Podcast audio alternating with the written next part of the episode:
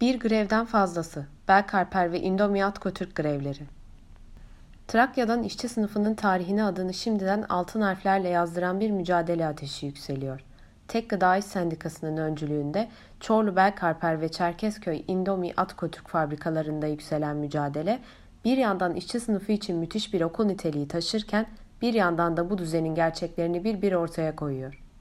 İşçiler ilk günden beri söylüyor. Sendikalı olmak bizim anayasal hakkımız.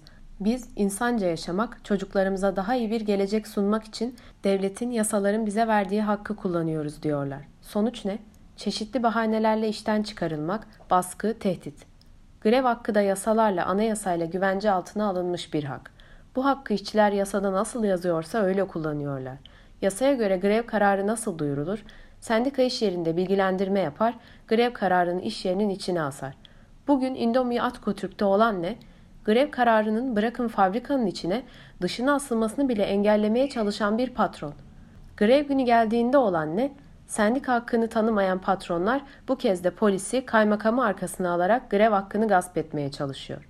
Grev kırıcılık suç ama yasalara sahip çıkmak grev kırıcılığı engellemek de yine işçilere düşüyor. Ve karşısında kaymakamıyla, jandarmasıyla, polisiyle devleti buluyor.'' Servislerin geçişini engelledikleri iddiasıyla yetkisi olmadığı halde Belkarper'de işçilere 12.804 lira idari para cezası kesmeye kalkan jandarma, patronun servislerin içinde yasaya aykırı şekilde grevci işçilerin yerine fabrikaya sokmaya çalıştığı işçileri tespit edin talebine o bizim yetkimiz değil diye cevap veriyor. Indomie Atkotürk'te yapılan baskılara, hukuksuzluklara, grev kırıcılığa dair Tek Gıda İş Sendikası'nın elinde bugüne kadar yapılmış 45 suç duyurusu var. Mücadele eden işçilerin patronun şikayetleriyle defalarca karakola ifade vermeye gittiğine şahit olduk. Ama bu 45 suç duyurusuna rağmen patronun yolunun bir kez olsun karakola düştüğünü duymadık. Aynı durum Belkarper için de geçerli. İçeriye grev yasasını astırmayan Indomiyat Kötürk patronu, işçiler ilk grev gününün ardından greve çıkmaya devam edince hemen iş yeri panosuna yazı astı. Neymiş? Grevin ilk günü greve çıkmayan, sonradan greve çıkan işçiler tazminatsız işten çıkarılacakmış. Grevin ilk günü ayaklar altına aldığı yasanın bir maddesini panoya asan patronun acizliği. İşçi sınıfı grev hakkını yasalara kanunsuz denilen fiili bir grevle Kavel greviyle yazdırdı.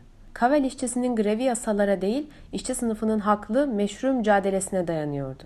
Bugün de aynı durum geçerlidir. Biri Fransız, diğeri Endonezya, Suriye sermayeli iki şirket bu ülkenin yasalarını ayaklar altına alırken hiçbir yaptırımla karşılaşmıyorsa, işçilerin haklarını fiilen gasp ediyorsa, jandarması, polisi, kaymakamı, Çalışma Bakanlığı buna göz yumuyorsa, bu saatten sonra kimse işçilerden de patronlara işlemeyen yasalara uymasını bekleyemez. Dün olduğu gibi bugün de kanun tanımaz patronlara karşı işçilerin bu grevleri başarıya ulaştırmak, fabrikalarına sendikayı sokmak için vereceği her türlü mücadele haklıdır, meşrudur. Bu mücadele bir grevden çok daha başka bir anlam taşıyor artık. Bu grevler bir ekmek mücadelesi olduğu kadar bir hürriyet ve onur mücadelesidir. Bu mücadelenin hakkını fazlasıyla veren Belkarper ve Indomie Atko Türk işçilerine selam olsun.